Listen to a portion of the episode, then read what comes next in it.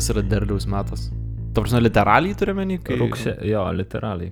O, tai ir šitas, šitas augalas irgi seka lietuviškų rūpiučio mėnesio pavadinimu. Uh, Ei, tai yra draksėjais. Draksėjus. Nice. Gerą visiems dieną. Jūsų smegenų bangų kanalus ir vėl desekruoja sinestezijais sintezatorius intelektualiniuose ratuose geriau žinomas kaip proto pemza. Su jumis, kaip ir visada, sveikinasi šabataujantis šunjatos šefas Tomas, Ahoj, hoj. psichodromo gladiatorius Povilas, Oho. Labas vakaras. pacifizmo pesimistas, o kartais ir pesimizmo pacifistas Vilius. Jakšiamaš. Bei aš, šio gėlių vaiko vabalo šoferis Aivaras. Šiandien aš epizodą noriu pradėti labai originaliai, nuo tokio labai moksliško klausimo. Ką jūs kolegos galvojate apie hipius? O jų yra dar? Yra, yra, teko su uh, jais bendraut, trumpai netgi panakvot. O. Uh, galvoju labai gerai. Malonus, mandagus žmonės, kurie yra, man atrodo, reikalingi sistemai. Aš gal uh, paklausiu Aivarai, uh, atsakyčiau nemandagiai klausimą klausimu, o kas yra hipis? Nes kažkaip visai išplaukus atrodo ta, ta savoka, nes iš karto ateina į galvą tikriausiai tokie standartiškai um, ilgaplaukiai 60s vibe žmonės, bet kai jie gyvena 2021 metais, įdomu tada, kas yra hipis Aha. šiuo metu. Tai vad labai geras klausimas ir aš iš tokių mokytų vyrų gaujos nieko kito ir nesitikėjau. Tikiuosi šiek tiek prasklaidyti tuos dūmus tavo akise ir tavo galvoje hipių klausimų. Bet e, šiandien kalbėsim ne apie tuos tokius, nežinau, paprastuosius, standartinius Amerikoje ir Didžiojoje Britanijoje siautusius, gazdinusius ir smirdėjusius gėlių vaikus, o apie gėlės gebėjusias prasikalti ir išgyventi pilko ir šalto sovietinio betono plyšiuose. Šiandien kalbame apie sovietmečio hipius, sužinosime, kad neužteko vien tik paprastos marvės, reikėjo kažko daugiau, norint būti hipiu Sovietų sąjungoje arba sovietmečiu, kaip jau ir pažiūrėsim. Nepaprastos smarvės. Taip. Sovietinės nepaprastos. smarvės. Ta prasme, aukščiausios prabos smarvė kokia tik tai gali būti. Mažų mažiausiai sužinosime, kad sovietinis hipis šiuo bei tuo visgi skyrėsi nuo vakarietiško savo brolio. Šiame epizode bandysime jums pateikti platesnį hipių sovietmečių vaizdą, tad šalia Lietuvos bus nemažai informacijos ir apie judėjimą Sovietų sąjungoje bendrai. Tačiau pirmiausiai apie šaltinius ir įkvėpimus. Epizodą ruoštis įkvėpė 2017 m. estų režisierės Terje Tomistų dokumentinis filmas Soviet Hippies, kurį, nepaisant jo kartais kvestionuotinų produkcijos sprendimų, labai rekomenduoju pamatyti. Pastarajame filme pateikta informacija šalia visos šūsnės internetinių tekstų ir interviu lietuvių, rusų ir anglų kalbomis padėjo išplėtoti filmo režisierę konsultavusios ir sovietmečio hipius tyrinėjančios Julian Fürst darbai, Tarp jų ir straipsnių rinktinė Dropping Out of Socialism – The Creation of Alternative Spheres in the Soviet Bloc. Paminėtina ir įdomi buvusio Rusijos hipio, roko muzikos kritiko, o dabar ir dėstytojo Taline ir Helsinkyje Artemijos Troitskio knyga Subkultūra – Stories of Youth and Resistance in Russia 1815 to 2017. Lietuvos konteksto supratimą paryškinti padėjo VDU mokslininkės Egidijos Ramanauskaitės ir istorikės Živilės Mikailinės darbai. Už pastarųjų rekomendaciją dėkoju sovietmečio visuomenės tyrinėjančiai VDU mokslininkai Juratė Kavaliauskaitė. Svarbu trumpai peržvelgti ir terminus. Nes kitaip Tomas, o kartu jau po šiandienos ir Vilius man duos velnių, pabaigus šitą įrašinėjimą už savokų neapsibrėžimą. O, aš dar draugas. Ah, taip, taip. Kaip gaila, kad tu su Maike. Daugiau definicijų, daugiau, daugiau. Savokas, savokas man. Hipius kaip socialinį judėjimą, žinoma, visų pirma siejame su vakarais, ypač Junktinėmis Amerikos valstijomis, kur 1967 metais ir, ir 1969 metais įvyko ir garsieji Woodstocko festivaliai. Iš jų dažnai pas mus ateina ir tipinio hipio paveikslas. Ilga plaukis, platėjančiomis kelnėmis, apsikarstęs gėlėmis, LSD ar kažkuo kitu apsitorčinės bei mėgstantis laisvą meilę individas, pasižymintis pacifistiniu ir alternatyviniu pasaulio matymu. Iš šių laikų ateina ir dirty arba purvino, o tuo pat metu ir smirdančio hipio gyvenančio pseudo kolektyvinėje komunoje prototipas. Tai nors judėjimas ir gana greitai išsikvėpė, iki šiol vienur ar kitur galime rasti jiems nostalgiją jaučiančių veikėjų, basomis sėdinčių ant žolės ir apsirūkiusių bei grojančių su gitara. Tai čia, na, toj pačioj, pavyzdžiui, Rusijoje yra iki šiol rengiama parkuose tenais hipių festivaliukai visokie. Ką hipis ar gal net ir visas hipizmas apima? Ši čia leisime atsakyti Egidijos Romanauskaitės cituojamam Williamui L. Partridge'ui. Hipių kultūra galėtų susidėti iš sankaupos krikščioniško misticizmo, vedų mokymo, revoliucinių traktatų, Madisono avenių pop psichologijos, Amerikos indėnų pseudo religijų, hedonizmo bei keleto amerikietiškų tradicinių vertybių, tokių kaip individualizmas, nepriklausomybė ir neištirtų dalykų poreikis. Skirtingos grupės pasirinktinai naudoja tam tikrus šio simbolių tinklo elementus. Iš šito nesunku suprasti, kodėl hipių judėjimas bent jau vakaruose taip greitai išblėso. Dažnai jis buvo pernelyg eklektiškas, neturėjo nuseklios idėjinės visumos, bet kokiu atveju jis savo ženklą paliko. Tai jie tokie, e, jeigu supratau teisingai iš tos citatos, e, būnu kuo noriu, ne, Išsire, išsirankiu viš, višnaitas nuo torto, kurios man smagios ir tai yra mano naujoji pasaulyje žiūra, ta kuri tinka šiam amžiui, seni. Kuom tai skiriasi nuo to, ką dabar turim? Nuo tiesiog žmogaus. Paprastai. Visiškai, ne, neužkė tokio, nuo šio laikinės pasaulyje žiūros, man tai atrodo, šitas niekur nedingo, viešėjimą savo ką nori ir taiko, ir kad, nu, čia mano individualizuota, custom made pseudo religija, e, va, aš esu budistas už tai, kad laikau šį trijų ten iš 50 įsakymų. Aš krikščionis, ale nerašistas, bet, bet tų ir tų tai nemėgstu. Satanizmo forma, ne? Nu, ta gerąją prasme reiškia, ne? Jo, jo, jo. Ats atsargiai nežinau, ar mūsų klausytojai pasiruošę šitą. Pirmas epizodas, jeigu ką, referuojame pirmą, pirmą protopemzus.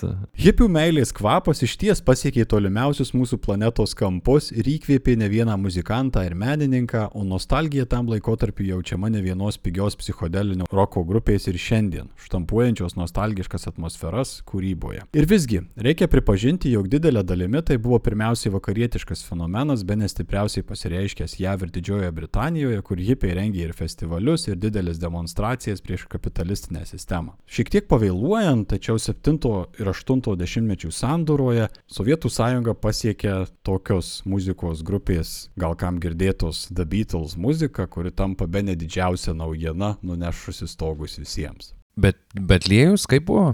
Čia pagal Volkswageną kažkaip. Ei, bet su muzika aš net prisimenu, apskritai nereikėjo, žinai, būti hipiu, bet man ir tėtis pasakodavo, kaip įrašai būdavo kažkas, kas yra reta ir kaip Taip. tai būdavo įvykis pas kažką nueiti ir paklausyti. Mhm. Ir kaip tai atrodo būdavo tokia kaip uh, uždrausta vos neprekė, nors tai tiesiog super reta būdavo. Kaip knygnešiai neždavo uh, tuos iš Tomo kraštų tikriausiai.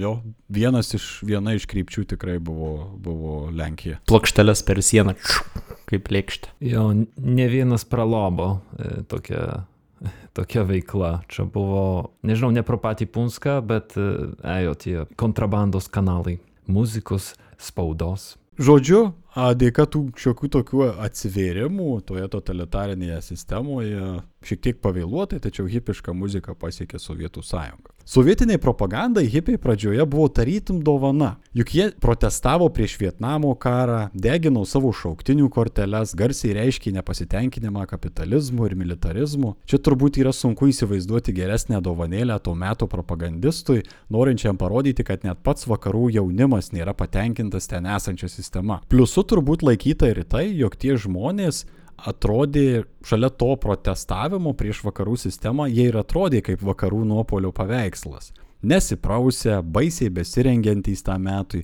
dalyvaujantys orgijose ir naudojantys narkotikus.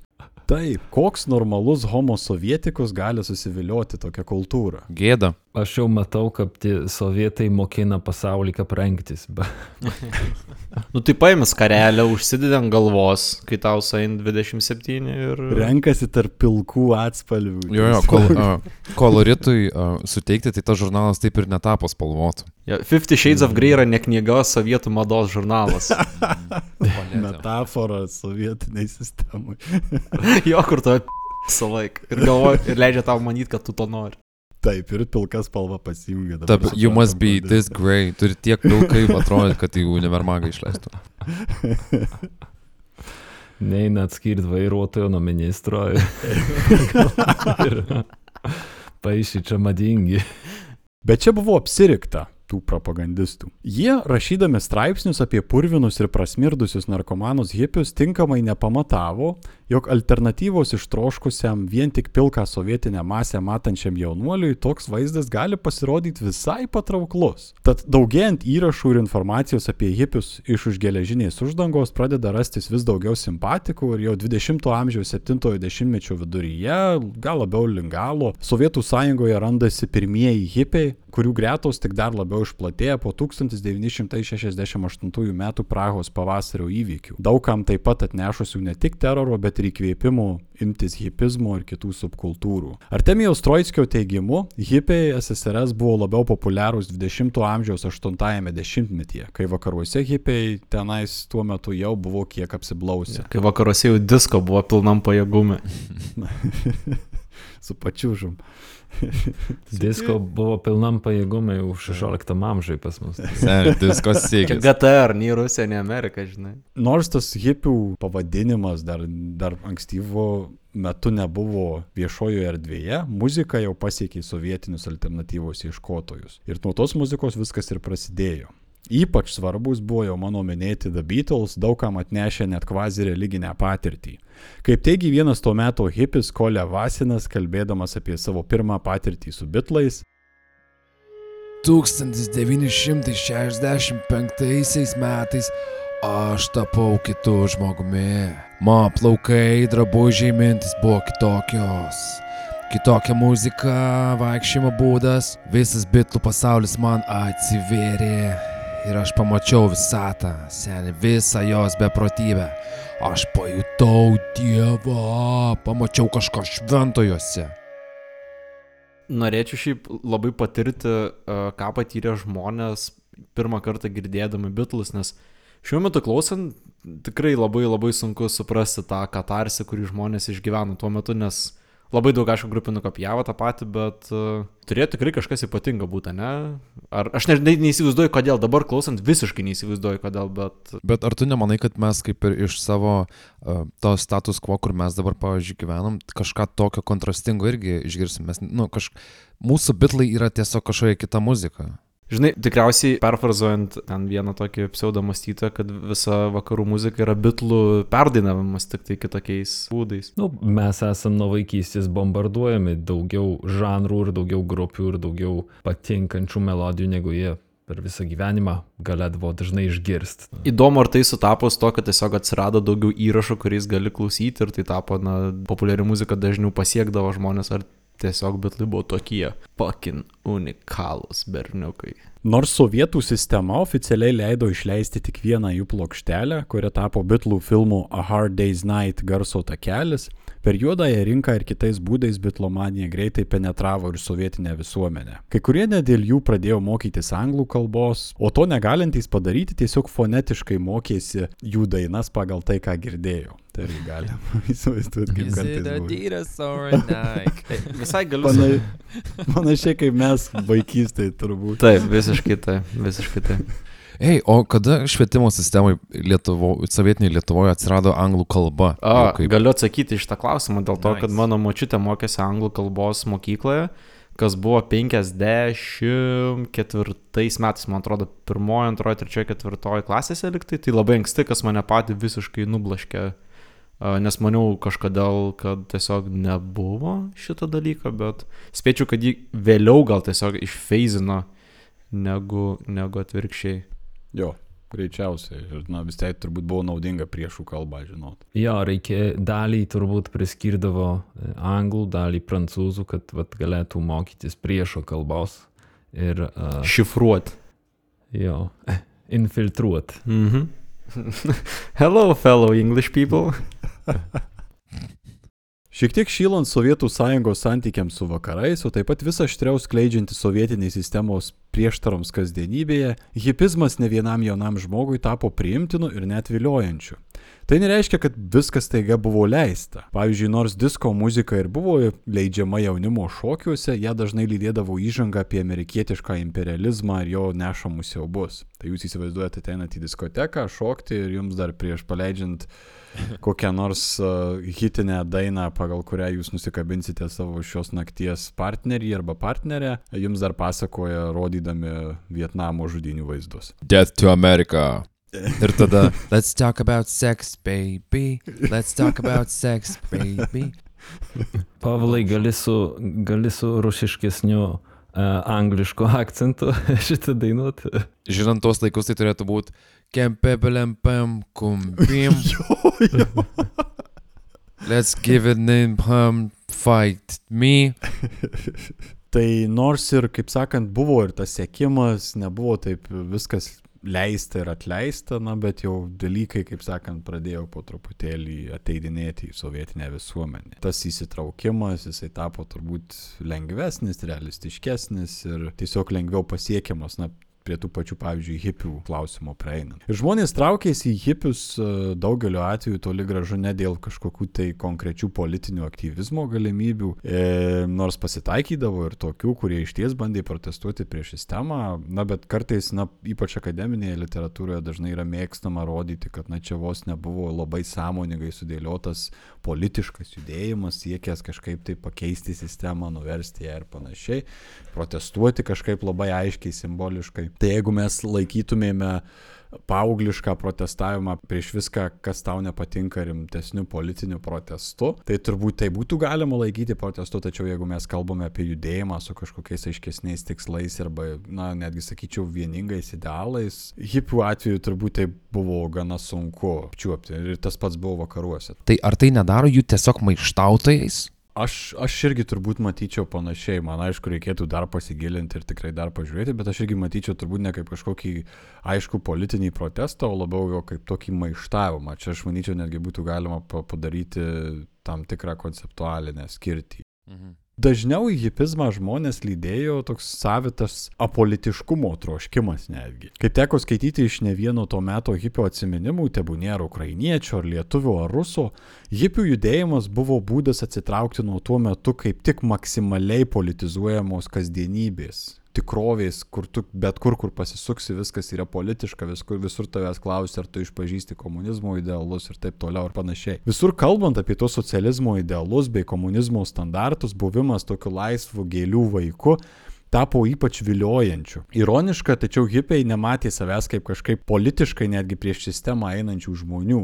O kodėl jie nematė savęs taip labai einančių prieš sistemą? Ogi todėl, kad solidarumas, lygybė ir kolektyvizmas lyg ir turėjo atitikti to meto politinės sistemos standartus. Tai čia viskas kaip ir supuola. Hipiai, kurie protestavo tenais vakaruose, jie tarytum ir norėjo va to, ką bent jau, kaip sakant, išpažįsta viešumoje, būtent sovietinė sistema kažkuria prasme. Kaip pasakojo muzikos kultūros tyrinėtojas Lukas Devita. Ironiška, kad hipiai vakaruose buvo prieš kapitalistinį gyvenimo būdą, jie niekino materializmą, o čia buvo deficitas. Gauti džinsus buvo svajonė, materializmas buvo net jaunų žmonių galvose. Mūsų valdžia buvo prieš kapitalizmą, o vakaruose prieš kapitalizmą kovojo hipiai, kurie patys kartais būdavo pavadinami komunistais ar net jų agentais. Tad daugelis pasuko į hipizmą panašiai kitoms to meto subkultūroms, tarp kurių buvo ir, ir stilegos, apie kurias galėsite išgirsti ir idėjų kompostė, jei duodat mums po alaus bokalą per mėnesį. Čia yra simboliškai, lyg jūs išgertumėt bokalą su mumis. Taip. Tikrai. Ir taip. tik kartą per mėnesį. Mhm. Ta prasme, net mes tik simboliškai taip pat išgeriam, tai žinokit, na. Yes. Mes tai už jūsų uh, sveikatą tikrai ne, nebejom pakelti. Uh, Tai, sorry, mūsų stalo galas sveikina jūsų stalo galą. Hipiai, panašiai kaip ir kitos to meto subkultūros, norėjo tiesiog gerai praleisti laiką, pabūti su draugais, dėvėti nestandartinius drabužius, klausytis tam metui neįtin standartinės, tačiau madingos ir populiarios muzikos. Tai hipiai tą ir darė. Turėdami tam tikrą supratimą, kaip viskas atrodo, jie darėsi apyrankės, klyjavosi gėlės ir taiko ženklus, kitaip improvizavo bandydami atėti prie hipio vaizdinio.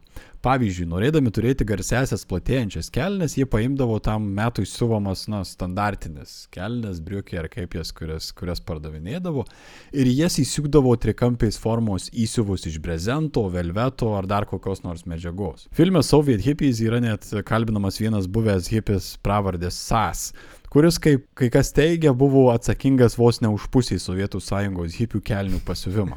Legenda tai ar ne, nepavyko patvirtinti, na, bet pasišventimą reikia vertinti. Laisvalaikiu visi hipiai dažniausiai būriuodavosi parkuose, aikštėse ir kitose taškuose, ar tai būtų apleisti kiemai, ar kažkokie apleisti namai, ar būtai, kurie, na, to, buvo ir vadinami pagal jų slengą flėtai, kažkaip taip, prie kurių reikėdavo prisirašyti ateit. Ir ten klausėsi muzikos, mainėsi drabužiais, rūkė ir kitaip taikiai praleidinėjo laiką. Nors milicija ir prikipdavo tuo metu, bet kadangi hipiai nedalyvavo nusikalstamuose veikose, apart kartais, karts nuo karto pasireiškiančių pinigų iš praeivių prašinėjimo, ką jie netgi tam turėjo terminą askat, Uh, bent jau rusų kalba, kuris uh, ištetėjo iš anglų kalbos žodžio to ask. Rimtai. As, askatas. Tai jo, tai jie be, be kartais pasireiškiančio šito prašinėjimo, jie nelabai ten kam kliuvo, ir tie milicininkai nesuprato, kas čia tokie. Apskritai toks buvo bendras nesupratimas, kas čia tokie išlindo ir kas, kas jie tokie yra. Tai gal ir prekipdavo, na, bet dažnai palikdavo juos tiesiog būti, jie ramus visą kitą. Tai nebuvo vietinio kartmano, kuris eitų barbentų į sienas ir ieškotų, kuriuose jie yra pasislėpę. Greičiausiai buvo, greičiausiai buvo, nes ten tokių kartmenų turbūt buvo ant kiekvieno kampo, na, bet hipiai kažkaip sugebėdavo jie tenais rasti būdą, kaip susirinkti ir pabūti kartu smagiai. Tai ta, ta ramesnė tokia situacija, jeigu taip ją galima saliginai pavadinti, teisėsi bent jau iki 1000. 1971 metų. Tai aišku nereiškia, kad, kaip ir minėjau, nebuvo tų problemų. Norint būti hipiu, reikėjo turėti ne tik tai tos tiesioginiais, tačiau ir perkeltiniais marvės nes turėjai nebijoti būti, pavyzdžiui, pašalintas iš universiteto. A, juose kartais prie durų stovėdavo liesni studentai iš komsomolo su žirklėmis, laukdami vieno ar kito ilgaplaukio hipio, kad jį kabutėse pataisyti arba, na, grasinti pašalinimu iš universiteto. Merginos prijaučiančios hipiams taip pat nebuvo pamirštos. Minimi atvejai, kai dėstytojos nepradėdavo paskaitų, kol nepatikrindavo, ar visos merginos dėvi liemenėlės. Na, jis čia taip, apie ką aš nekėjau. O kaip, pala, pala, bet bet kai jūs įsivaizduojat, kaip vyksta tikrinimas, bet ne iš tos vyriškos pervertiškos pusės. Kaip vyksta patikrinimas, ar tu su liemenėlė? Oi, kaip štai iškiai. Perbruki per nugarą, kad patikrintum, ar yra saktis. per nugaras gerai. Wow, kaip šita, šitas labai vėlai mano sąraše yra ir atsirado tik dėl to, kad tu jį pasakėjai. you little perv. patikrinus tas liemenėlės, jeigu kažkas nepatikdavo dėstytojai, tai jinai galėdavo pagrasinti, įskūsti milicijai studentę, na, grasindama prostitucijos straipsnių, pavyzdžiui. O, wow. Už liemenėlės neturi. Įsivaizduok tą merginą, kuri tiesiog pamiršo išsiskalbti rūbus vieną vakarą ir drebėdama sėdi, nes šūdas gyventi tokiai valstybei, ne, kur, ta prasme, yra milijonas kitų priežasčių, bet tokiai valstybei, kur tiesiog kabinėja šitavęs non-stop. Taip, taip. Ir, ir čia darbe arba universitete tai nebuvo vienintelis vietos. Pavyzdžiui, įėjus hipiui kur nors į barą ar restoraną, taip pat neretai pasigirzdavo šūksniai chorų žmonių esančių tenais - žirklės, žirklės, žirklės. Ir galiausiai net gatvėse atsirasdavo žmonių vaikščiuojančių gaujomis su žirklėmis ir gaudančių hipius ir juos kerpančius vietoje. O, tai reiškia būtina labai dalis šito judėjimo yra nebūti pripažinti. Tai kol kas du bruožai, ne, kad engia ir kad neturi talento. Visus sieja. Na, Borisas Grebenšikovas, bent jau iš rusiškosios pusės, arba Vytautas Kernagis turbūt nesutiktų su tavimi. Tai... Jeigu būtų gyvi.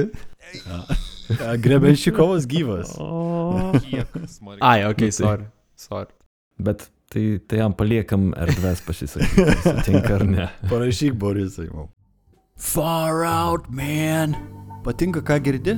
Nori, kad darytume daugiau? Papasakok draugui prie laus, švogeriui prie stikliuko ar mamai valgydamas vakarienę. Kiekvienas tavo like, pasidalinimas ar net piktas komentaras artina mus prie akimirkos, kai galėsime šiam projektui skirti dar daugiau laiko ir džiuginti tavo ausis dar dažniau. Palaikyk! Šalia visų šitų problemų vis, vis tiek kažkaip hipiai rasdavo save ir toje sovietinėje kultūroje vienu arba kitu būdu atrasdavo ir kažkaip susi, susitapatindavo. 1969 metais buvo išleistas animacinis filmas vaikams pagal brolių Grimų pasaką Brėmeno muzikantai. Jisai dėka savo tam metui netikėtai psichodeliniais vizualikos vieno sisteminio kino kritiko buvo pavadintas marihuana vaikams. Ir iš ties, pagrindiniai veikėjai primena hipių karavaną labiau keliaujantį po kažkokią tai šalį ir nuolatos dainuojantį sovietų hipių a, himnu tapusią draugų dainą. Visi tą dainą esate girdėję, bet kadangi mums nusispjauti ant sovietinio copyrighto, aš pasidalinsiu ištrauką. A, taip, kas tai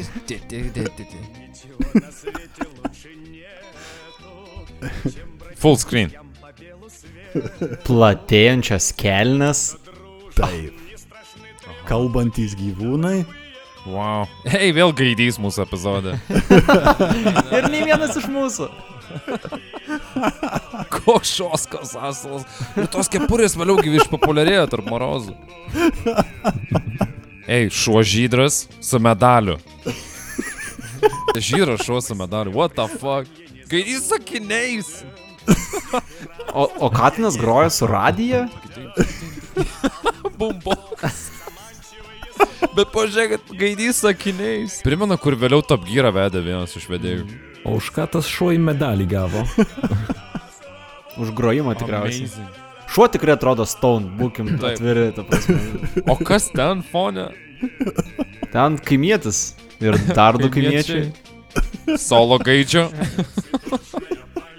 Jis dar nežino, kad lenkai jį iškeps. Iškastravę. Ai, va, Katinas su trimitu groja. Amazing. Čia yra kurie metai? 69. Wow, ką aš čia ką tik žiūrėjau. Marihuanos tai visai, uh, Sovietinė animacija, žiūrėjai, ką tik, kuri tapo kultų hipiams. bet kodėl gaidys sakiniais? Įveža kastruoti, jis nori matyti.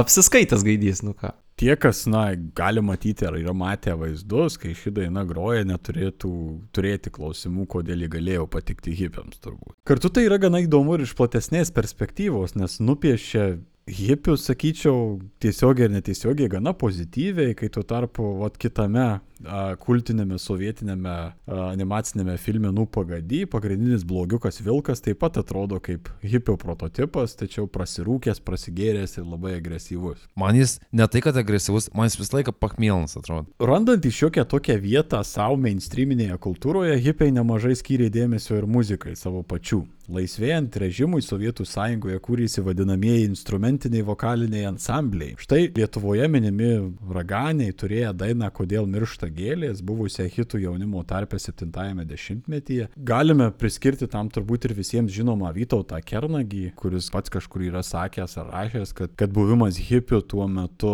buvo įpareigojantis būti kietesniam, geresniam ir tokiam išradingesniam. Galiausiai minima ir grupė gėlių vaikai ir jinai skambėjo maždaug taip.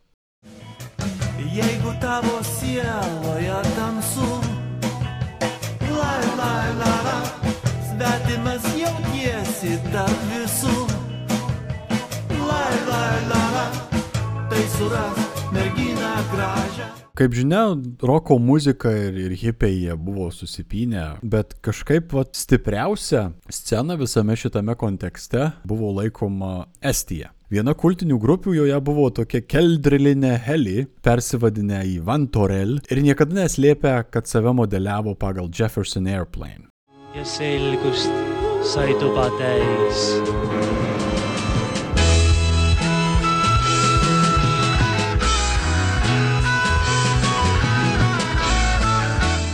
Cool. Tikrai cool skamba, galėtum pasiklausyti to pakankamai lengvai ir labai akivaizdžiai, na, į kurią pusę taiko su savo, su savo grojimu. Įdomu, kai visokias natas tikrindavo ir žodžius, net kreipdavo dėmesį į pačios muzikos stilistiką, nes ji, na, akivaizdžiai imituoja vakarietišką muziką, bet ale, kaip suprantu, tai priimtina buvo, ne? Jie nėra jos girdėję patys turbūt ir jie O, nelabai... kokia graži daina. Jo, jie nelabai supranta, kas ten yra, kol jie nemato ten kokių bitlų parašyta. Tai kiti gudraudavo, pavyzdžiui, kai rašydavo, kas padarė aranžuotės kažkokias, tai vietoj bitlų rašydavo Lenonas, pavyzdžiui. Ir tada nesuprasdavo. Kto tu? tai-. Jo, jo, jo. Johan. Lenin? Um, A, Tai va. Leninas. Jan Lenon. jo. Tai, Man. tai visai gudraudavo. Ir aišku, tokiam grupėm nebuvo labai lengva. Prieš kiekvieną koncertą jiems reikėjo gauti vietinės valdžios leidimus, o net ir juos gavus niekas nebuvo garantuotas, kad viskas baigsis gerai. Kaip pasakojo tie Keldrilinė Helly nariai, jų vienas koncertas taip pat baigėsi nekaip, nes jie sugalvojo begrodami pridegti žvakių ir paleisti balionų. O tai vietiniai valdžiai buvo visiška nuodėmė. Taip, ir labai nepatikęs dalykas ir jinai kuriam laikui tą grupę ir uždraudė. Kaip pastebi keli to meto hipiai ir kiti veikėjai, iš principo ekonomiškai hipių nebuvo sunku būti tuo metu. Gyvenimo išlaidų būta gana mažų, buvo galima dirbti arba blogiausiu atveju rinkti butelius ir iš to šiek tiek prasigyventi. Tad dažnas stengdavosi rasti darbą, kuriame nereikėjo per daug politiškai ką nors veltis arba net kažkokių didelių pastangų Vedete.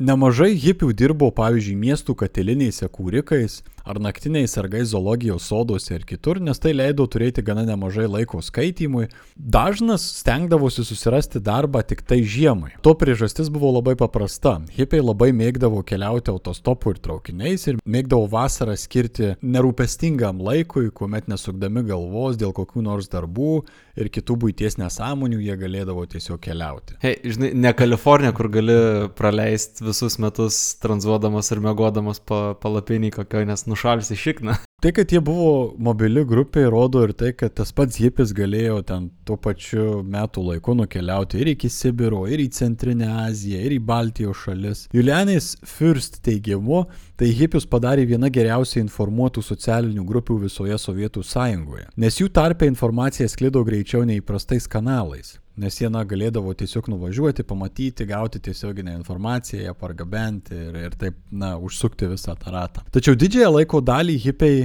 vasaromis judėdavo į karštuosius hipių taškus SSRS. Šiais taškais buvo Ukraina, Estija, Latvija ir žinoma Lietuva. Palanga, Kaunas arba Vilnius yra netgi minimi kaip tokie spotai, į kuriuos hipiai mėgdavo atvažiuoti ir leisti laiką. Kaune. Ten atvažiuodavo netgi hipiai iš visos Sovietų sąjungos. Tai buvo aišku žinoma, jeigu jiems pirmiausiai nepa, nepavykdavo patekti į sovietinę Kaliforniją, laikytą Krymą, kuriame jie iš vis galėjo visą vasarą tiesiog maudytis ant paplūdimio ir kitaip smagiai leisti laiką. Jo, mažai žinomas faktas, kad Putinas senas hipis yra ir tiesiog norėjo savo jaunystės. Viskas.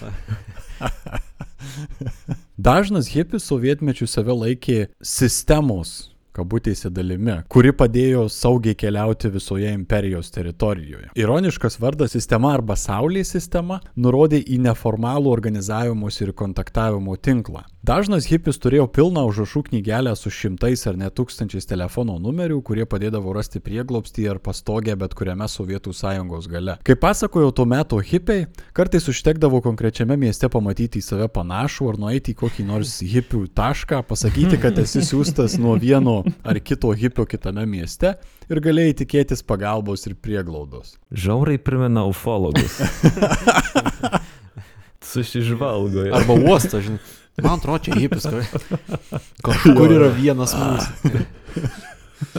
Šiaip aš čia, aišku, juokauju, juokauju mes apie tą kvapą, bet e, blogas kvapas iš pavadantis buvo vieni propagandinių dalykų skirti atmušti nuo, nuo hipizmo. Tai jo. Jo, irgi buvo. Bet toks- vis tiek juokinga, tu prasme. Ir kažkokiu būdu šita sistema, nepaisant bandymų ją suvaldyti, eilę metų labai neblogai veikė. Ir tai leido hipiams laisvai ir saugiai judėti, prisirašant įvairiose vietose išvažiavus iš savo miestų. Kartu tai parodo ir tarptautinį šios sistemos pobūdį. Ta sistema nebūtinai turėjo veikti taip pat išvystytai visose Sovietų sąjungos dalyse, nes, nes jinai, pavyzdžiui, kaip tokia Lietuvoje veikia silpniau nei, pavyzdžiui, Estijoje ir kitose SSRS kampuose, tačiau kontaktų tinklų buvo naudojama stengiamasi ir joje. Vasaromis hipiai taip pat mėgdavo organizuotis neoficialias vasaros stovyklas ir Kryme, ir, ir, ir Pabaltyje, pavyzdžiui, ypač Latvijoje prie Gaujos upės. Ne visada jas pavykdavo sėkmingai organizuoti, na, nes vis tiek valdžia bandė prižiūrėti. Prisiminimais portalui Svoboda dalyjosi iš Ukrainos į Lietuvą sovietmečio emigravęs Anatolijus Lomonosovas, kuris šiandien yra geriau žinomas Anato Ali pseudonimu. Oho. Jis, jeigu pasieškosite YouTube, jis yra visiškai neblogas toks sitaros šrederis. Koks titulas? Mikliausi pirštai šiauriai. Šitas Anatolijus Lomonosovas e, pasakojo apie vieną stovyklą Estijoje, Naktį visus mus, atvykusius į stovyklą iš skirtingos SRS kampų hipių, areštavo Estijos milicija ir atvežė į kalėjimą Kohtlajarvę. Ataudė ir paleido penktą rytą prie greitkelio. Dabar pas jūs atvažiuos rusiška milicija. Anie atvažiavo ir sako, pas mus tokių dafiga, jūs mums nereikalingi. Išvežė vėl į Estiją, į geležinkelio stotį ir pamojavo rankomis. Važiuokite kur nors pečiau, į Latviją, bet tik ne pas mus. Ties šituo visiems dokumentus perrašė ir viso gero. Puikiai suvaldyta situacija. Svarbiausia, kad čia Sovietų sąjunga, kas yra ta pati šalis, ta prasme, nėra, kad tu išsiųstum kažkur ne mano jurisdikciją. ir, ir atsimetinėja, ir, ir na tai irgi rodo tam tikrą, nu aš manau, kad institucijų didelė dalim nežinojimą, kaip su jais elgtis, nes jie nei ten mušasi, nei jie kažkaip ten gadina kažkokią tai nuosavybę. Aš spėju, milicininkai turėjo ką veikti ir be to, arba tingėjo kažką veikti. O milicijai, pavyzdžiui, jų narkomanija netrukdė? Prie narkomanijos irgi prieisim, aišku, kad trukdė ir pasitaikydavo atveju, kai tekdavo juos surinkti, bet ta narkomanija buvo šiek tiek kitokia, nei galbūt įsivaizduojam žiūrint iš vakarų mm. -hmm. perspektyvos. O ne, jau ostiklijus. Turbūt pasitaikydavo šito. Jo, bet vien dėl to, kad tai nebuvo įrankis tik tai tam, kad juos sudaužyt. Jiems verčiau apsimokėjo juos kažkur išvežti, neturėti ten jok, jokių papirizmų ir primerkti akį ant tokias smulkius e, nusižengimus. Jo, iš, aš tai manau, kad buvo tikrai tokių atvejų, kai buvo viskas būtent taip. Ir kalbėtojai, jog ir geležinkelių darbuotojai neretai, pavyzdžiui, žinojo kai kuriuos hipius ir jų nekabindavo. Tenais yra pasakojama, pavyzdžiui, apie Latvijos uh, geležinkelio darbuotojus, kurie ten tiesiog leisdavo tuom hipiam atvažiuoti į kažkokią savo stovyklą ir būti savo. Nes tiesiog kam ten terliotis, jie visi ramus, jie Sėdi, skaito, rūko kažką ir... Jo, turbūt pasitaikydavo tiesiog sistemoje irgi ar tai tinginčių, ar, ar tai normalių žmonių. Pasisekdavo ne visada žinoma. Devintajame dešimtmetyje yra minimas atvejis, kai Tartu per muzikos dienas buvo susemtas visas būrys hipių, išvežtas į mišką ir ant jų užsiundytas visas būrys vilkšunių. Uf. Tai galite įsivaizduoti miške paleistus hipius ir juos besivaikančius šunis. Dalyjosi istorijomis ir lietuviai, kurie perspėti turėję pakeisti planus koncertams ir stovykloms ir po to matė milicijos sunkvežimius važiuojančius į vietą, kurioje turėjo būti renginys, jei jie nebūtų pakeitę planų. Visa šitai rodo, kad nors keliauti ir buvo galima, sovietinis hipis visada turėjo turėti kiaušus daryti tai, ką jis norėjo daryti. Jisai, tai nebuvo taip paprasta, kaip tiesiog pakeliauti. Tai galėjo baigtis labai rimtomis problemomis ir sudaužymais ir, na, šunimis užsiundytais. Dar prie visko, aišku, kai kurie hipiai, kurie, na, turėdavo tam tikrus įsitikinimus, religinius ar kitokius, bandydavo, ar vardan netgi šitų vas vasariškų kelionių, a, bandydavo išvengti ir karo tarnybos. Tam dažniausiai a, reikėdavo, na, gauti kažkokią tai psichiatrinę išvadą. Hipiai buvo laikomi gana nenormaliais, bet buvo ir tokių, kurie sąmoningai nenorėjo eiti į kariuomenę ir tai buvo būdas, kuriuo jie bandė išvengti jos. Aišku, psichiatrinėje ligoninėje itin lengva tai irgi nebuvo, reikalavo tam tikro gudrumo ir netgi sėkmės, na, nes galėjai papulti ant insulino šoko terapijos. Ir tai yra vienas turbūt baisesnių metodų taikytų psichiatrinėse ligoninėse, kuomet, kai jeigu gerai suprantu, prileidus insulino prasideda smegenų šokas ir prarandama sąmonė, prasideda konvulsijos ir taip toliau ir panašiai. Na, O kuri čia... A O kuri, trip, o kuri vieta šito proceso yra ta gydanti? Šokas. neklausk manęs. Šokas. A, neklausk manęs. Ai, tai jeigu Atpurtit biški. Jo, jo, jo, Taip, būtent. jo, kaip pasakojo mano minėtas Anatolijus, Taros Šrederis, jis taip pat jos norėjo išvengti. Pasirodžiau ligoninėje, nes dėl savo įstikinimų nenorėjau kariuomenę. Vienas pažįstamas psichiatras man patarė, bus met komisija, tau nieko ypatingo prisigalvoti nereikia ir taip keistai atrodai. Būk savimi, tik truputėlį gilesnis. Atėjau patikrinamą ilgaplaukis, atitinkamos aprangos ir šiek tiek sustiprinu savo įvaizdį. Ir galiausiai prilipdė straipsnį - socialiai pavojinga psichopatija. 7b. Pasisekė, kad jokių insulinų ten nebuvo, o tabletės visokiais būdais išmesdavau. Psichuškė bendrai nebloga vieta tada buvo, bent jau mano atveju, gyvenimui apmastyti. Tai čia įdomi, e, žmonės žinojo, ko laukti, įdomu, kad tu vis tiek leidėsi į visą šitą dalyką, bet tai nėra tau per didelė kaina. Geras pastebėjimas, būti hipiu Sovietų sąjungoje reikėjo tam tikrų kiaušų, atstovėti tą gyvenimo būdą, kurį norėjai pasirinkti savo. Lomonosovas taip kalbėdamas, žinoma, referuoja į kitus savo likimo brolius ir seseris, e, kuriems netai pasisekdavo, nes insulino šoko terapija buvo gana dažnas reiškinys gydyti kitaip atrodančių žmonės, sukeliant jiems smegenų šoką. Pasitaikydavo ir atvejų, kuomet motinos išsiųsdavo savo vaikus į psichiatrinės ligoninės vien dėl to, kad jie netitiko kažkokių sovietinio socializmo keliamų standartų tam, kaip turėtų atrodyti tarybinis pilietis. O kaip hipiai leisdavo laiką visose sovietinėse Kalifornijose savo? Vakaruose hipiai, žinoma, turėjo posakį sex, drugs and rock and roll. Ne, ne, ne, Aivarai, Aivarai, ištar, ištar kaip tie laikai reikalauja. Sex, drugs and rock and roll. Sex, drugs and rock and roll. Ar sovietų hipiai atitiko šitą šventąją triadą? Mm, Ne visai. Labiau turbūt buvo galima kalbėti tik tai apie atitikimą vienai iš tos triados dalių. Tai yra rock and roll, susijusi su muzika, kuri buvo iš ties labai svarbi visam judėjimui per tą požeminę plokštelių kultūrą, savos muzikos kūrimą ir bandymą tą psichodeliką visą išgauti ir sovietinėmis sąlygomis. Tuo tarpu seksas, nors ir buvo laisvesnis tarp hipių neįprastai Sovietų sąjungoje, kurioje seksas, kaip žinia, visiems neegzistavo, a, bet tai irgi kontrastavo su vakarais. Gali kiek komiškai skambėti, tačiau a, ne viename šaltinyje yra minima, jog paradoksaliai nemaža dalis viso hipių judėjimo Sovietų sąjungoje buvo nekalti. Tai buvo iš dalies dėl to, jog buvo vadovaujamasi taisykle free love, not free fuck, kuris skatino atsiriboti nuo provokacijų atsitiktiniams ir nepatikrintiems lytiniams santykiams. Nice. Pastarieji be abejo galėjo nutikti ir nutikdavo, tačiau tai nebuvo orgija, kuri matyta kaip norma tame, kaip, na, pavyzdžiui, buvo pristatomi vakarų hipiai. O kiek šitą informaciją gali būti dėl to, kad duomenys pateikė žmonės, kuriem, kuriem nepasisekė? kad tik jie parašė knygas ir straipsnius. Nes turėjo laiko užsiėmę. Kurie tik parašyti ir gavo. Labai, labai įdomi hipotezė ir visko gali būti iš tikrųjų. Apie nestandartinius tą metų santykius, tai yra homoseksualumą, pavyzdžiui, taip pat na, nebuvo kalbos didelės, tik santykiai tarp vyro ir moters laikyti normaliais ir prigimtiniais. Tam tikra ortodoksija buvo persmelkusi visą sekso dalį. Tuo tarpu drugs dalyje taip pat matyti skirtumų. A, žinoma, jie iš dalies buvo nulemti ypač griežtos sovietiniais narkotikų politikos, galinčios iš karto atnešti nemažai metų kalėjime. Tačiau ir tokie veikėjai kaip LSD guru Timothy Leary taip pat nebuvo labai žinomi, bent jau pirmojoje toje judėjimo pusėje. Kaip juokaudami teigia kai kurie istorikai, sovietinio hipio narkotikas buvo pigus portveinas ir kitas nedaug kainuojantis alkoholis. Tad sovietinius hipius galima laikyti labiau alkoholiniais nei psichodeliniais. Šiaip fanina, vienintelis hipis, e, sovietinis hipis, kurį kažkiek pažinojau, pavadinkim jį Saulium. Kaimynas e, buvo, tai vaikščiodavo iki pat savo gyvenimo galo su platėjančiais džinsais ir tuo metu jis jau buvo, aišku, nuplikęs, tai aš nelabai ilgą laiką žinau, kol nepamačiau jo jaunystės fotkių. Muletu gal vaikščiu.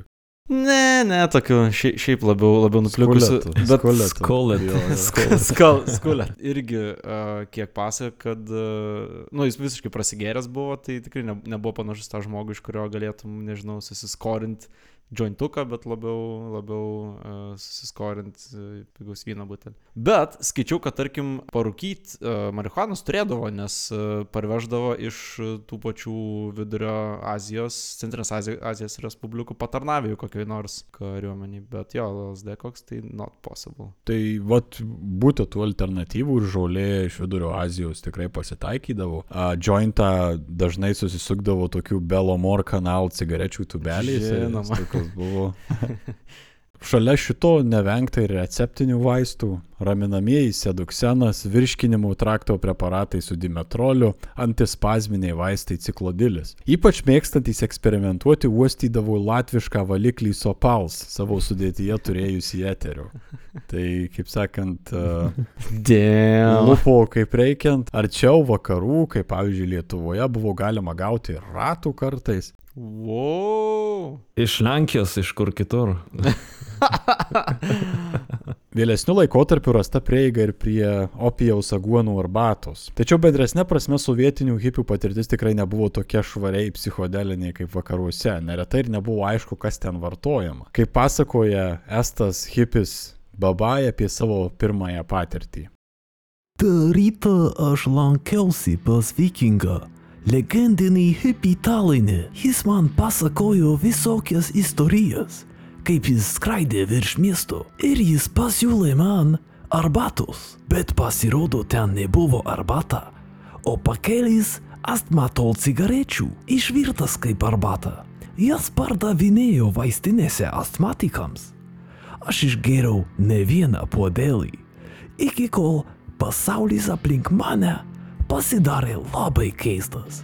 Padidėjo sunkumas ir diskomfortas, iki kol pajutau, kad negaliu kvepuoti. Staiga visas apsivertė aukštin kojom. Iš centrinio taško išsiplėtė tinklas. Šiame tinkle buvau aš su viskuo, kas buvo. Pasaulis, kuris buvo, aš kuris buvo, kur aš esu ir kas aš būsiu. Norėjau išeiti cigaretės. Laiptai iš antro aukšto atrodė kaip šimtų kilometrų gilio. Jų dugne buvo dvi matės avys. Su manimi buvo du žmonės. Lena iš Maskvos ir Saša iš Simferopolio. Realybėje aš turbūt nukeliavau gatvę vienas.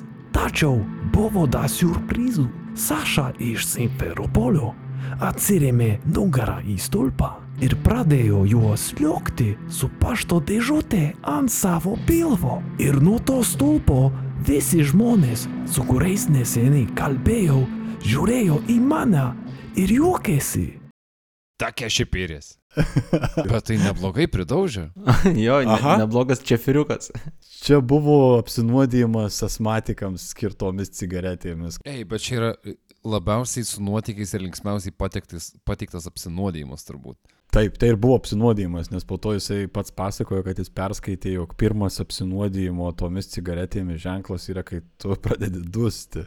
Bet kartu daug kas žegnojosi, kad būtent ta, tos cigaretės, vartojus e, jau jų arbatos atitinkamą kiekį atneši LSD stiliaus patirtį, kas turbūt yra tiesos kažkiek turintis teiginys. Ar tai yra sovietinė ayahuasca? Jo, jum nekeista, kad yra cigaretės astmatikam, ta prasme, kas čia per daiktas, ta prasme. Alternatyvi visą tą. Ja, iš tikrųjų, čia labai pa- pastebėjimas net ne, nesusišvietė. Tai ka- kaži kas dar ten yra Rusijoje, turbūt kokis alkoholis, e, nuo, alkoho, nuo alkoholizmo Taip, gydantis. taip, taip, taip. Jo. Jo degtinė sergantėm kepenų cirozė, cirozė uh, Žvelgiant iš šiandienos, visas šitas procesas atrodo kaip velniškai rizikingas sandoris tokiom patirtim gauti. Tačiau, kaip teigia nostalgiški hipiai, tuomet būti daugiau pasitikėjimo, bent jau tarp hipių. Ir nors hipiai ir buvo neformali struktūra ir hipių judėjimas niekada nebuvo kažkas stipriai organizuoto, jis turėjo ir savų gurų. Jų ryškių nebuvo itin daug, tačiau pasitaikė. Pati sistema kartais buvo vadinama ir Saulės sistema, jos neformalaus vedlio Maskvoje garbiai. Šis vedlys buvo Jurijus Burakovas, kurį dėl jo apvalaus veido mėgo vadinti Saulė, o merginos ir Saulutė, Solniška. Ironiška, tačiau jo tėvas buvo aukštas sovietų karininkas, o brolis vienas žymesnių vietinių komsomolo vadukų. Tai galėjo baltai šeimos varnai, mėgstančiai parūkyti žolės, padėti ir išsisukti turbūt vietomis. Čia irgi yra toks aspektas. Hipių bent jau pradžioje dalis tikrai buvo iš tokių aukštesnės, aukštesnės klasės, jeigu taip galima pavadinti, toje visuomenėje šeimų. tikriausiai žmonės, kurie galėjo leisti savo daugiau rizikuoti. Tiesiog. Taip, ir turėti, jo, gauti tos vakarietiškus įrašus, džinsus ir taip toliau ir panašiai. Tuo tarpu Ukrainoje buvo kalbėta apie Lvovę veikusį Viečislavą Jeresko, dar kitaip žinoma Šarnyro vardu. Šarnyras buvo gana ryškia asmenybė. Jis visur vaikščiojo su ramentais ir tamsiu lietpalčiu. Legenda byloja, kad tapęs ten tokios vietiniais Švento Sodo Respublikos hipiškos organizacijos vadovu, jis į vieną vakarėlį ateinančius svečius pasitikinėjo apsikarstęs nacijų simboliką. Stipru. Vėliau jisai trenkė aršią antisovietinę kalbą, visą komsomolą išvadino valkatomis ir girtuokliais, o galiausiai mėgdavo porinti, kad Prahos pavasaryje hipiai išaudė į sovietų karius. Jis taip tęsė savo visas eskapadas, kol buvo sugautas ir nuteistas įtartinai trumpai trijų metų bausmiai kalėjime. Kas iki šiol skatina spekuliuoti, ar šis veikėjas nebuvo klasikiniai KGB provokacija nušviesti hipius kaip nacizmui palankius iškrypėlius. O čia ekvivalentas situacijos, kai į balių pasikvietė ir visiškai jau kontrolė yra pamesta. Kai pasikvietė Paleckį ar Murzą? Kodėl tu iš vis kviesti? Jis, čia, čia yra tas atvejis, kai jis organizuoja Ei, vakarėlį. aš noriu tikėti, kad... Jisai kviečia.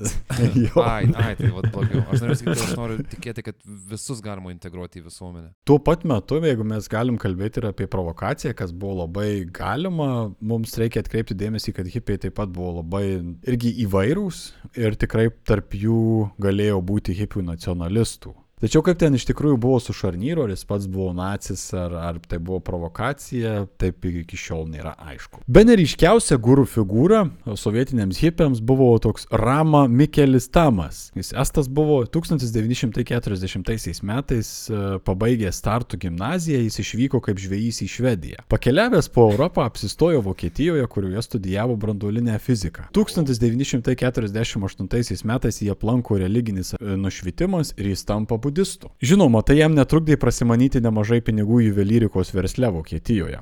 Prasidėjus Hruščiovo atšilimui 1956 metais gerai apsirūpinęs jis sugalvojo grįžti į Estiją ir po to per Sovietų sąjungą keliauti į Indiją. Tačiau Estijoje iš jo atima pasą ir uždraudžia gyventi Taline. Tad jis išsikrausto į netoli esančią fermą, įkuria Miško universitetą ir nepaisant KGB įtarimų slaptos budistų sektos įkūrimu, tampa vienu pirmųjų jogų ir rytų mistikų Sovietų sąjungoje. Ei, ar jis buvo Miško universiteto rektorius? Sorry, Miško universitetas yra nuostabus pavadinimas. Jau tas universitetas įkvėpė daug hipių ne tik Estijoje, tačiau pavyzdžiui ir Lietuvoje, kur yra ten kalbama apie tai, kaip pasivažiuodavo. Teko rasti informaciją, kad prieš pat jo mirtį 2002 metais Bostone pas jį buvo atkeliavęs ir jam su visko padėjo ir vienas jo pasiekėjęs lietuvis. Aš neišsiaiškinau jo tapatybės, bet buvo lietuvis, kuris piktinosi, kad niekas jam nepadeda. Atidesni klausytojai pastebės, kad bent apie dviejų iš trijų šitų gurų ar įkvėpėjų pabaigą aš užsiminiau, tačiau apie Jurijaus Saulės nelabai. Čia mes ateiname prie poros kertinių įvykių sovietinių hipių istorijoje, pakeitusių jų santykių su sovietinė sistema kaip tokia. Iki 1971 metų hipiai, nors ir bandant juos kontroliuoti, dažnai jų nesuprantant, savęs nematė kaip labai priešiškų vyraujančiai sistemai. Taip, jie prieš ją maištavo, tačiau nebuvo to tokio gal ryškaus susipriešinimo. Laisvės norėjusi, aišku, daugiau, ne viskas patiko, tačiau iš principo gyventi buvo galim. Tačiau 1971 m. pavasarį ir vasarą SSRS pradeda ruoštis Richardo Nixono vizitui. Saugumo struktūros gauna įsakymą išvalyti Maskvą nuo kabutėse nepageidaujamų socialinių elementų. KGB, matydami hipius kaip jau dabar ne sąjungininkus, o potencialų užsienio agentą, nusprendžia su jais susitvarkyti. Na ir turbūt žinojau, kad Nixonui irgi nelabai turbūt hipiai patiko. Bet ar hipiai buvo kažkaip uh, politiškai polarizuoti, kad uh, jie kažką tai darytų? Ar sovietai tiesiog norėjo būti geriau apsisaugojęs negu, kaip išvers frazę, be- better safe than sorry? Tiesiog jo manau, kad nebūtų jokių netikėtumų. Iki tol ten galbūt kažkas kažkur buvo įvykę, buvo kažkur susirinkę, bet niekada nebuvo kažkokių tai rimtų demonstracijų. Bet iš valdžios pusės įdomus uh, toks legimitizavimas tavęs kaip grupės, kuri turi svorį jau kažkokį. Taip. Ir čia didelė dalim vėl iš to nesupratimo institucinio radosi tai, kad hipiai buvo paversta kažkokia tai politinė jėga. Tai pamenate, kai sakiau, kad sistemos vedlys Jūra Burakovas mėgo parūkyti žolę. Taigi, tu Mhm. 1971 m. gegužės 23 d. jam baigėsi žolė. tai jis, I feel you, brother. Atsiminė tiksliai tą dieną. Čia, čia yra Marcinkaus Pachmas ir šita data, kuri yra užrašyta. Buvo šaltas rytas. Išsitraukiu dėžutę. Atidariau. ją. Dar neturiu apetito, bet... Hey, Norėjau pasidaryti. taip, wake and bake. ir negali. There was wake without any bake. Tai iš, iš jūsų reakcijos manau, kad uh, suprantate, jog jį tai gana sunervino. Hei, problema. Okay. Jo, tai yra problema. Ir Ne diskomfortas, problema. taip. Kam nenutinka? Susisiekė su savo dileriu ir susitinka Gogolio bu- bulvare Maskvoje. Pala, bet tai rotoriniu telefonu turi skambinti savo dylį. Jo, ar kažkokiu tai kitu būdu jisai su juo susisiekia ir susitinka. Ir dabar, kaip sakant, pasisuka stalai. Jo dileris, kuomet jie susitinka paprašytas žolės, pradeda mygti. Sako, kad neprekiauja ir kad užsima tik receptiniais vaistais ir kad jūra apsiriko. Jurijus iš karto suprato, kad jį seka ir kad čia yra spastai. Jis neapsirinka. Burakovą supakuoja, pradeda gazdinti kalėjimu už narkomaniją ir kitomis, na, baisybėmis. Burakovas išsigasta ar, ar kažkas nutinka ir sutinka. Iki šiol nėra sutariama, Burakovas išdavė hipius ar ne, ypač kai jį vis tiek po viso šito siuntė į psichiatrinės ligoninės kaip recidyvistą. Ir, na, nėra aišku iš tiesų, ar jis ten savo norų ir lengvai išdavė, tačiau jo informacija padeda suorganizuoti areštus. Gegužės 28 dieną pagrindinėse hipių susirinkimų vietose Maskvoje apsilanko civiliais drabužiais apsirengę KGB agentai, pasiūlantys kabutėse hipiams birželio pirmąją dieną per tarptautinę vaikų gynimo dieną beje, suorganizuoti protestą prieš Amerikos militarizmą ir karą Vietname. Teigiama, kad protingi institucijų žmonės pageidauja hipių pagalbos atkreipiant dėmesį į jav nusikaltimus. Nežinau, kaip pati situacija turėjo atrodyti, kai KGB agentai persirengę civiliais ateina pas hipius prašydami jų organizuoti protestus, bet hipiai galiausiai sutinka. Ah, come on, ta prasme.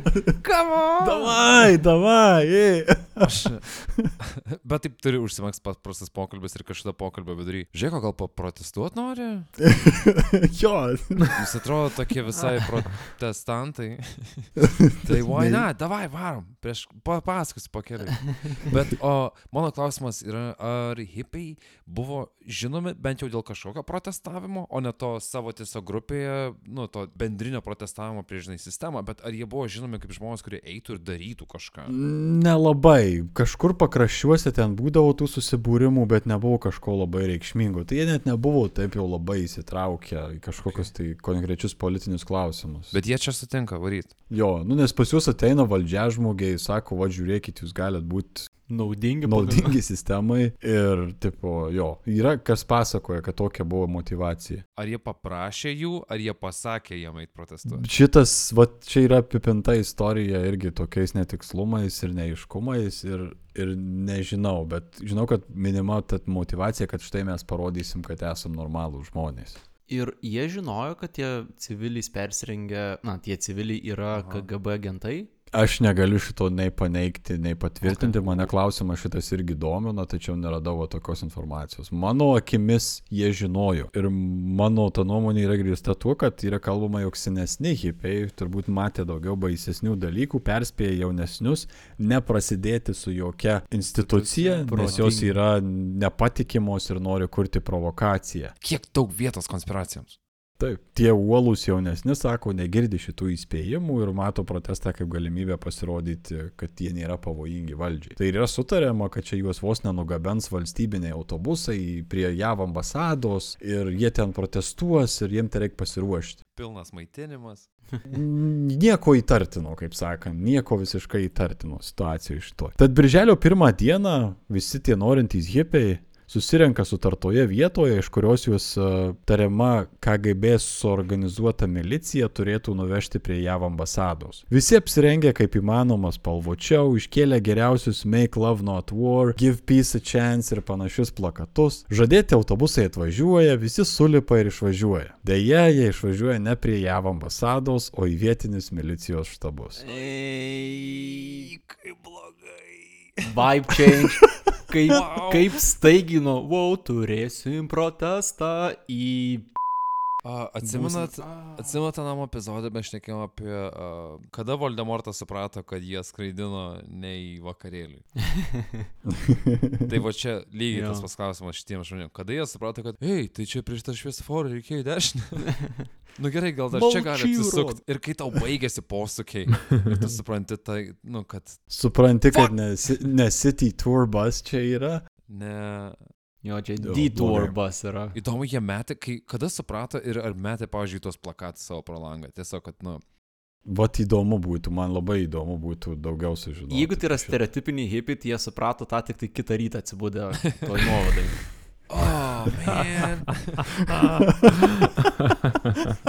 Wait, man, this is not the embassy, man. Kiek tu tos arbatos ten išgėri? Šito viso triuko pabaigoje suimama apie 500 žmonių, kelios dešimtys paleidžiamos, ar taip parodomaisiais tikslais ar ne, iš karto po apklausų. Apie pusę yra išsiunčiami į karo tarnybą prie Kinijos sienos, net neleidus atsisveikinti su artimaisiais. Mm. Tai įsivaizduoju situaciją, išeini apsirengęs spalvotai, su plakačiuku, nusiteikęs gerai, tu čia ant Amerikos biškai pakrausi malkų ir sėdi į traukinį važiuoti prie Kinijos sienos. Apie šimtas patenka į psichiatrinės ligoninės ir turbūt neišvengia ir insulino šoko terapijos. Dar kelios dešimtys yra nuteisiami už įvairius nusikaltimus. Visų šitų žmonių gyvenimai vienai par kitai buvo paveikti permanentiškai. Bent du mirė tarnaudami kariuomenėje, du hipiai psichiatrinėse ligoninėse baigė dienas, dar du pasikorė. Tie, kas išgyveno, tapo praktiškai neįdarbinamais ir sunkiai galėjo rasti savo vietą visuomenėje. Tai šitų areštų data iki šiol yra minima vietinių hipių bei jiems prijaučiančiųjų Rusijoje. Valdžia manė, kad tokie masiniai areštai sutriuškins hipių judėjimą, jie apsivalys, viskas bus gerai, bet jie nebuvo teisūs, nes tie hipiai išliko, nors jų gyvenimas ir tikrai buvo apsunkintas. Talinė ir Maskvoje komsomolo yra įkūrėmi tokie vietiniai urlaganų būriai, kurie vaikšto a, būriais ieškodami hipių, juos muša, kerpa ir gabena į milicijos nuovadas. Nuovadose pastaruosius tardo ir fotografuoja, o gyvenamosios vietos ir darbovietės tikrinimas po to tampa standartinė procedūra, kai pas tave pasibeldžia į duris, o tai ką veikėt, o tai kaip jūs užsidirbat pinigų. Neretai hipiai yra priverčiami sėdėti ir ilguose nuobodžiuose posėdžiuose, kuriems bandoma įteikti, kaip reikia teisingai gyventi. Po areštų hipiai galutinai supranta, kad sistema nėra jiems draugai ir kad ji net nėra jiems neutrali. Sovietinė sistema hipiams yra priešiška. Tad ir pats judėjimas, nors jis tęsiasi, praranda nemažai narių ir traukiasi labiau į požemį. Buvo bandymų kurti ir kažką panašaus į komunos, tačiau nepaisant gerų idealų, tam nebuvo lemta tapti sėkminga iniciatyva. Patys to meto hipiai mini dar vieną įvykį, kuris jų manimų yra kertinis ir daug arčiau Lietuvos. Kalbame apie Romo kalantos susideginimą. O jo susideginimas buvo toks e, visos Sovietų sąjungos įvykis, ne tik vietinis. Taip, panašu, O, kad okei. taip, nes visur, kas kalba, visi mini šitą įvykį. O, geras. Ir ar hipiai ar ne hipiai, tai čia buvo pakankamai didelis įvykis, aš kaip supratau. Kaip pasakoja vienas pirmųjų Lietuvos hipių grupės gėlių vaikai įkūrėjas Tasys Daugirdas, valdžiai hipius Lietuvoje žiūrėjo kiek atlaidžiau. Nors dainų, pavyzdžiui, tekstai buvo gana atviri, kalbantys apie laisvės, merginas ir gėlių vaikus, muziką vis tiek leisdavo groti. Neleisdavo tik improvizuoti, nes kiekvieną partitūrą turėdavo patvirtinti komisija prieš koncertą. концерт. Tačiau bendresnė prasme Lietuva kaip Sovietų sąjungos vakarai turėjo kiek daugiau laisvės net ir po tų areštų Maskvoje. Jie daug kas važiuodavo uh, nueiti ir į naktinius klubus ir pasižiūrėti, kokios jaunimo mados yra vakariau. Tai čia, na, Lietuva ir Vilnius ir Kaunas yra tapę, na, savotiško avangardų tokios jaunimo kultūros. 1970 metais Vilniuje restorane Žirmūnai vietiniai hipiai prisidengė gimtadieniu kažkokio savo nario, net sugebėjo užsipirkti salę ir suorganizuoti nedidelį festivalį. Viskas ėjosi kaip ir neblogai, iki kol vakarėlis neįsibėgėjo ir dėmesio netkreipė į miliciją, kuri vėliau išgaudė hipius ir juos patampė po saugumo tarnybas. Tačiau vakarėlis įvyko. Bendrai nepaisant varžymų, Lietuvoje kaip ir didelėje dalyje Sovietų sąjungos bent jau iki areštų į hipius būta nuo tokio atlaidesnio žvilgsnio, nes ne visai suprasta, kas tai per žmonės ir kas per judėjimą. Tačiau jeigu 1971 m. areštus Maskvoje galima laikyti provokacija, kurioje hipiai buvo įvilioti į spastus kalbant apie politinių žinučių transliavimą, 1972 metai Kaune potencialiai iškėlė hipius kaip netgi pavojingų sistemai. Kaip žinia, tų metų gegužės 14 dieną Romos kalanta Kauno laisvės alėjoje apsipylė 3 litrais benzino ir save padegė prieš tai sušukęs laisvę Lietuvai. Kaip ir daugeliu kitų atvejų, kai valdžia nesuprato, kas vyksta, tai taip pat buvo bandyta elgtis ir su kalanta, bandant jo laidotuvės netgi pankstinti tam, kad būtų iš, išvengta kažkokios viešumos ir didesnės visuomenės reakcijos, nes prasidėjo iš karto brusdėjimai. Tačiau tai neišdegė. Kalantos laidotuvės įžiebė dviejų dienų protestus ir savotišką sukilimą, dar vadinamą kai kur Kauno pavasariu, kurio metu daugiau nei 3000 žmonių išėjo į gatves, veržys į valdžios pastatus, iki kol buvo jėga numalšinti saugumo struktūrų ir apie 400 žmonių buvo areštuoti. Kalantą propaganda pristatė kaip psichinį ligonį, nors kaip rodo informacija pasirodžiusi vėliau, jis toks nebuvo ir suvokė, ką daro. Kadangi atrodė tam metui nestandartiškai, su ilgais plaukais jį iš karto priskyrė hipiams. Tačiau neaišku, ar jis iš ties buvo hipis. Tuo metu hipių judėjimo atstovai sakė nematė jo kokiuose nors hipių iniciatyvose, kaip teigia jau minėtas Lukas Devita. Mano nuomonė, jis labiau buvo priskirtas prie hipių judėjimo, nei pats save su juo siejo. Priskirimas įvyko pirmiausia dėl plaukų. Tais laikais plaukų ilgis buvo pakankamas įrodymas, nes reikėjo drąsos turėti ideologinį užtaisą. Tuo metu buvo žinoma, jog ilga plaukis kažkoks kitoks pilietis nei kiti. Netrukus imta persikėti visus, kurie buvo ilgais plaukais. Tai buvo savybė, pagal kurią spręsta apie nusiteikimą. Pati valdžia Lietuvos hipius pavertė stiprią politinė jėga. Tai čia tavo komentarą ankstesnį atliepia, kad pati valdžia savo Mhm. propagandos dėka padarė iš hipių kažkokį tai politinį judėjimą tariamai pavojingą visai sistemai. Nors tai galbūt buvo keista. labiau maištavimas toks ir noris tiesiog gyventi savai. Čia kaip įsišnekėt, kad tas balandis, kuris kasdien atskrenda ant balkono atbrailos, jis tave nužudys kažkada. Nu KGB stilius. Mhm. Ir šitai žinant, nežiūrint į tai, ar Kalanta iš tikrųjų buvo hipis ar ne, jo susideginimas tapo antruoju įvykiu siejamu su hipių istorija Sovietų sąjungoje, dar kartą supolitinusiu judėjimą, kuris valdžiai buvo nelabai suprantamas. Įvairios grupės ir iniciatyvos susijęs su hipiais tęsė veiklą ir po 1972 metų gebėjo net organizuoti tokius renginius kaip 1974 metų buldozerio ekspozicija. Aš tik tai galiu paklausti jūsų, kaip manote, kodėl tai buvo pavadinta? Nes atvažiavo su buldozeriais išvaikyti. Taip, buvo hipių, hipių menininkų grupelė ant ten vienos pievos kažkur parke berots organizavo savo darbų ekspoziciją ir vietinė valdžia, kuriai nepatiko, atvažiavo viską su buldozeriu sutraiškė. Šiaip aš, Paprasčiausias. Aš nenoriu kažkaip blogai nuskambėti, bet kaip norėčiau pamatyti. Nes visų pirma, tai manyčiau, kad tai yra performance dalis. Tokia, žinai, kaip Banksis naikina uh, paveikslas kažkoks. Tai galvočiau, kad čia, wow, nemokamai iš vis iš taškų. Spėjau, kad uh, KGBistai nedažnai gaudavo pravedyti buldozerį, tai labai apsidžiaugė tą kartą, kad... Wow, tas pokalbis garažė, kur įmam buldozerius.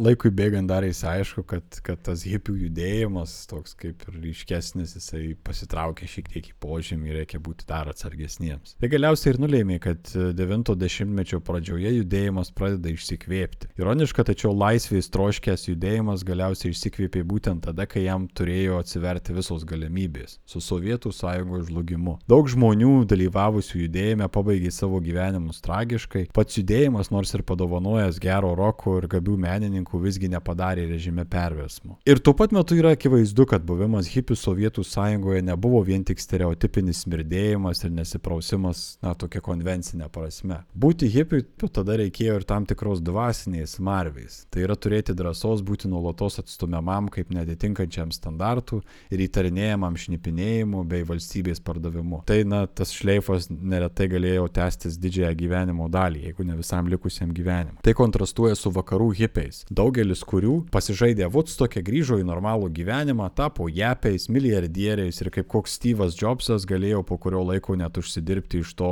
parašydami knygą apie savo laikus, kai jie buvo hipiai. Sovietinėje aplinkoje buvimas hipių galėjo reikšti stigmą visam likusiam gyvenimui ir vien už tą drąsą šis judėjimas turėtų būti prisimenamas, nepaisant visų jo kartais komiškų idealų ar vaizdinių. Tai Aivar kaip nekartą labai taikliai epizodą pastebėjai, kad norint būti hipių Sovietų sąjungai reikėjo kur kas sunkesnių sėklidžių panašu negu tuo pačiu procesu vakaruose tikriausiai. Nes kiekvienas tavo judesys realiai um, kainuoja kažką, ne? Reikia drąsos būti nesuimtam, ar tai nestigmatizuotam uh, kaip visuomenės nariu ateityje. Ir nežinau, ar pirmoji, tarkim, karta hipių tai suvokia, ypatingai gal stiliagos, kurie dažnai tikriausiai buvo turtingesnių, gal tėvų vaikai, bet ilgainiui žmonės tai darydami jau pakankamai sąmoningai suprato, ką tai kainuoja, ne, ir vis tiek rinkos tą daryti, kas savaime yra pakin žavu, ne, tu patu totalitariniai sistemui rinkės būti laisvu, kas yra fucking sunkiau negu daryti tą patį visiškai laisvam pasauliu. Nes vat, būtent man irgi tas kliuvo, nes su hipiais vakaruose tu turi tokį vaizdinį, kad na tai vis tiek yra, atsiprašysiu, bet balti žmonės neretai turintys kažkokius tai saugumo tinklus namuose, nu tai gerai, jie pabus, pagyvens tose komunose, gerai, jeigu jie nepapulė pas Mensoną, tai gal jų ten neišpjaus niekas. Tai jo, man irgi toks kilo įspūdis, nu, nes tai buvo realiai toks prisėjimi kažkuria prasme tai visam gyvenimui ir Mhm. tada tu negali, žinai, per daug kaltintų žmonių, kurie, nu, kaip sakiau, daug kas pabaigė tragiškai savo gyvenimus ir ten yra visos istorijos, žinai, kaip kas pasikorė, kas nusišovė, kas, kas pradėjo dylinti kokį nors kokainą ir perdozavo ar, ar kažką tokio padarė. Tai tu net negali turbūt per daug ir kaltinti, pavyzdžiui, tų žmonių, kurie ir prasigėrė po to, nes jie kaip ir į tą maudą buvimo tuo kitokiu jie įsimušė ir turbūt niekada Jo. negalėjo iš to išeiti daugiau.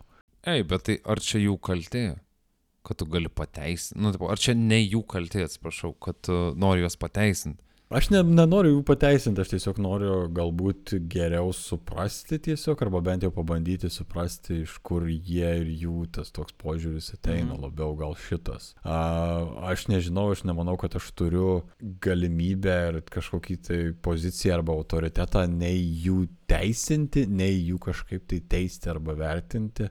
Tai buvo visai laikas, kuris man yra nesuprantamas. Netgi įmant visą tai kaip kažkokį, ne tai kad labai didelį didelę politinę potekstę turinti procesą, bet tiesiog, tarkim, Vilniop, ne, paaugliškas maištas. Vėlgi, pakint Sovietų sąjungai paaugliškas maištas, tai nėra, tai yra sunku ir, ir jaučiu, jaučiu dalyvautame, turėjo būti labai labai exciting, ta prasme, labai įdomu jausti visą Ir tą- baisu, tam Taip, tikra taip, taip. prasme. Man tai Dalis buvę fucking baisu. Tai vad kaip Vilius sakė, kad tai yra sunki, nu, sunku būti, tai ir fiziškai sunku, ne tik morališkai, nu, ir psichologiškai, bet fiziškai sunku, nes, nu, tave sustemė kars nuo karto ir tu nesi saugus. Bet, hei, aš turiu klausimą. Uh, toks, toks laimingas judėjimas, o toks nelaimingas. Tai jokios nuraminančios ir tokios uh, bendruomenės evoliucijos sunkumų nevainikuojantis finalas visiškai. Kaip ir daug istorijų tuo metu. Bet ar finalas?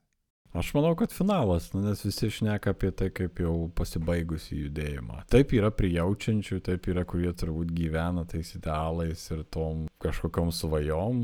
Tai nėra judėjimas, tai nėra judėjimas jokia prasme, tai yra labiau toks, nežinau, pastišas, nostalgiškas dažniau, man atrodo. Hipių nebėra, e, So- Sovietų sąjungos hipių nebėra dėl to, kad Sovietų sąjungos nebėra visų pirma, tai uh, apsibrieškim savokas uh, ir Ne, nes, hei, puslaidos buvo, bent jau mano galvoje, hipiai tai toks kaip ir gyvenimo būdas, žinai, nu, kur, tipo, aš ieškau patirčių ir panašus dalykai. Ir tai nebuvo tokia mano mintyse subkultūrinė grupė, kuri yra paremta tik tai tais žmonėm, tipo, kurie joje yra ir tik tai jie tai palaiko, nors taip ir būna bendruomeniai. Bet atrodo, kad tas hipis, nu, tipo, man jisai gal toks įsišaknėjęs žodis, tai man atrodo, kad hipių kultūra šitą jinai visą laiką aktyvi, nes, nu, tipo, jinai gal truputį ki- skiriasi jos forma arba skiriasi atlikimas visas ir taip toliau, bet hipių visą laiką yra. O dabar man patikta informacija, kad hipiai, kaip hipiai, they're kinda dead. Nu, Tipo, jie taip ir, nu, taip ir yra. Tai man tiesiog galbūt keista priimti, kad uh, tokia va, subkultūra ir uh, nebeegzistuot gali. Bet jį egzistuoja turbūt, nes jis padarė įtaką, jos likučiai ir elementai yra iki šiol naudojami ir tikrai turbūt yra žmonių dvasia savo vis dar esančių ten. Bet kaip kažkoks tai socialinis fenomenas, aš manau, kad tai yra long dead. Deja, bet Ja, bet uh, dėkui, Evari, tau šitą, šitą istoriją, nes uh, tik nežinau kaip kiti kolegos, bet uh, nujaučiu, kad panašiai kaip aš buvo girdėję iš sovietmečio hipių istorijos geriausio atveju Kalantą, kuris ir nėra hipis, kaip pasirodo bent jau ta tiesioginė ne, prasme kažkokia tai totaliai naujas, naujas pasaulis. ačiū Jums. Ačiū. Okay, ačiū, Evrai, šiaip labai įdomi istorija. Nieko nežinau apie nei to laikmečio hipius, nei apskritai kaip jie, kiek jie buvo panašus, pavyzdžiui, į vakarus. Ir dabar matosi labai tokios, dvi tokios skirtingos, bet gal ir ne tiek ir skirtingos istorijos. Tik tiek, kad čia, kaip ir sakiau, pirmai nėra kažkokios laimingos pabaigos, tai biški, gal dėl to gaila. Turbūt čia viena iš tų istorijų ir tas ją daro tik tikresnė ir turbūt tokia, gal kažkuria prasme vertesnė netgi dėmesio, nes yra, na, nu, realistiška. Labai sovietinė. Ta prasme, nėra happy ending šitoje vietoje niekam. Tai, tai ką, visiems ačiū. Tikimės ir jums buvo įdomu taip kaip ir mums, mėly klausytojai. Ačiū, Aivarai. Ir iki kitų kartų. Iki. Dėkui. Iki, iki. ir Ačiū, Aivarai. Viso. Kaip visada, Tušino aerodromo dydžio padėka mūsų kviečių želmenų kokteilio gurmanams Patreonė. Aistei V, Anastasijai B, Andriui, Arvidui K, Audriui, Domui U, Donatui T, Doviliai V, Erijai, Edgarui M, Editai R, Elenai D, Gabrieliui S, Gediminui S, Giedriai B, Giedriui N, Giedriui S, Gvidui B, Indrei G, Juliui A, Jurgitai Z, Kūgiui Mūgiui, Karoliui P, Karoliui P dar vienam, Kazimierui K, Mantui M, Mantrmui, Marijai T, Marijui Z, Mariui V, Mikui, Mildai Č, Mindaugui V, Ninskaitei, Raimundui Z, Rasai, Rimantui Č, Robertui B, Rokui M, Sandrai K, Sauliui S, Silvijai, Simui B, Simui D, Simui V, Tomui B, Vytautui D. Speciali padėka Gintariai J.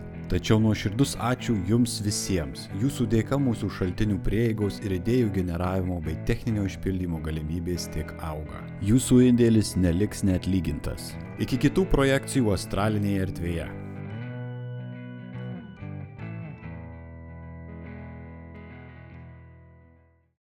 Išgelbėk draugą.